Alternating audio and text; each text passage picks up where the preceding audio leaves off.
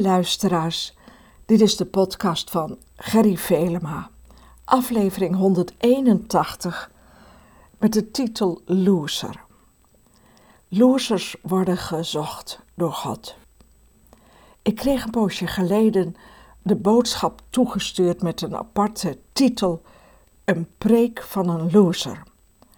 Geschreven door Annemarie Havenkamp en ze sprak deze preek, deze voordracht uit. Geen dominee, niet iemand met een theologische achtergrond, maar een journaliste, een schrijfster. Ze vroeg zich af: ben ik gekomen om te spreken omdat ik zelf een loser ben? Of omdat ik de moeder ben van een jochie dat als loser in onze maatschappij en samenleving gezien kan worden? Het werd een boeiend verhaal over het omgaan met die niet maakbare werkelijkheid, over de kracht en de betekenis van het imperfecte. In 1 Korinthe 12, vers 24 staat: God heeft ons lichaam, het lichaam van Hem, zo samengesteld dat de delen die, die het nodig hebben ook zorgvuldig behandeld worden, zodat het lichaam niet zijn samenhang verliest, maar alle delen elkaar met dezelfde zorg omringen.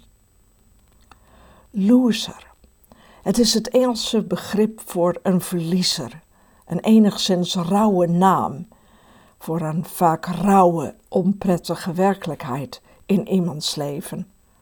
Het wordt gebruikt voor mensen die iets niet hebben wat anderen wel hebben en die vinden het heel gewoon dat ze het hebben. Het omgaan met een gebrek, met iets dat ontbeerd wordt, kan confronterend zijn voor de gezonden, voor de sterken. Waarom gaan rijken het liefste om met andere rijken? Dan hoeven ze niet te denken: wat heb ik toch veel? En wat heeft die ander weinig? Mag ik wel genieten van mijn rijkdom met iemand dicht in mijn omgeving die zo arm is? Bij een rijke vriend hoeft de rijke zich dergelijke vragen niet te stellen. Als een gehandicapte in een straat woont waar een straatfeest wordt georganiseerd, dan komen de vragen: moeten we hem of haar er wel bij halen? En hoe zal het voor haar zijn als wij met elkaar allemaal aan het dansen zijn en zij zit in haar rolstoel? Of op een familiefeestje, wat doen we met dat lastige neefje met ADHD of met allerlei persoonlijkheidsstoornissen? Verpest hij niet een mooie dag voor anderen? Losers Mensen draaien soms expres hun hoofd weg om het maar niet te zien. En Annemarie vertelde hoe mensen haar nog steeds vragen. Haar zoon is nu tien jaar. Hoe kon dit toch gebeuren? Hebben ze dat niet gezien bij de twintig weken echo? Dat je kindje niet goed was? Want het liefst doen we alles maar weg uit ons midden, wat enigszins lijkt op een loser. Maar de Heer zegt: Kom tot mij. Kom tot de Vader, de Vader die je kent vanaf het begin dat Hij je formeerde in de moederschoot.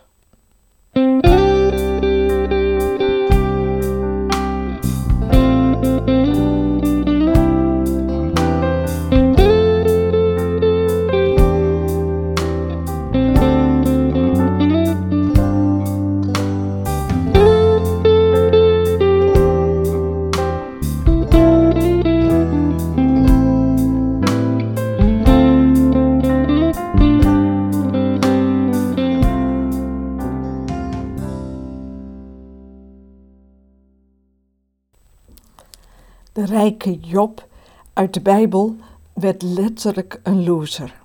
Hij verloor alles. Uiteindelijk kwamen er nog maar drie mannen en die drie mannen, die drie vrienden, die hebben weinig anders gedaan dan Job vertellen dat ze het zo moeilijk vonden dat Job een loser was geworden.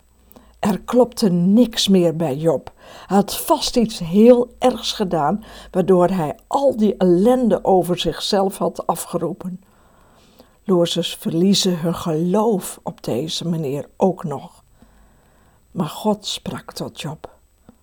En Job hoorde ook eigenlijk dat lied Kom tot de Vader. En daar hoorde hij dat, dat God boos was niet op hem, maar op die vrienden.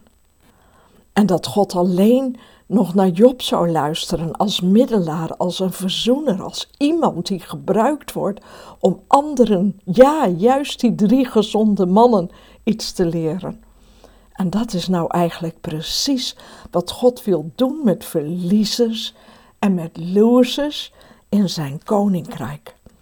Als God het voor het zeggen heeft, ja, dan krijgen kanslozen een kans. Dan kunnen mensen in een rolstoel, hoe gehandicapt ook, op het podium staan en hun getuigenis geven. Dan krijgt alles wat hier moet lijden de kans om aan anderen uit te leggen wat dit lijden met hen doet ten goede. Wat betekent het als je niet meer zelfstandig, niet meer zelfredzaam, niet meer autonoom in het leven staat, maar afhankelijk raakt van de zorg van anderen voor jou? Welke lessen leer je dan en hoe doe je dat? Losers kunnen aan andere kinderen van God leren hoe je hulp kunt aanvaarden zonder in emotionele problemen te komen, zonder je schuldig te voelen. En ik weet nu al dat dit voor mij een hele lastige les zal worden.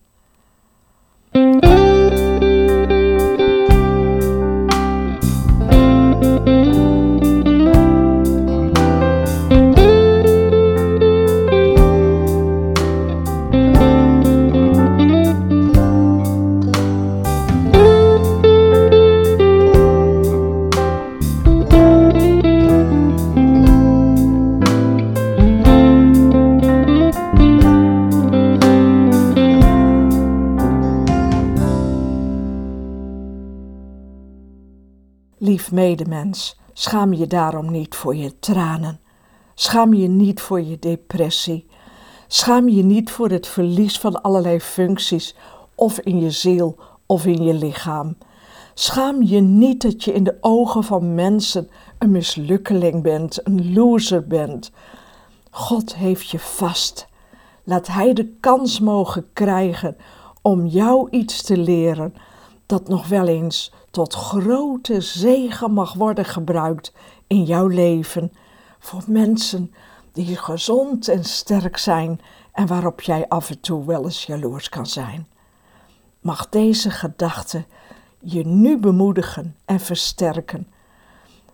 Kom tot de Vader, kom zoals je bent en ontvang die extra aandacht die de Heer heeft voor jou.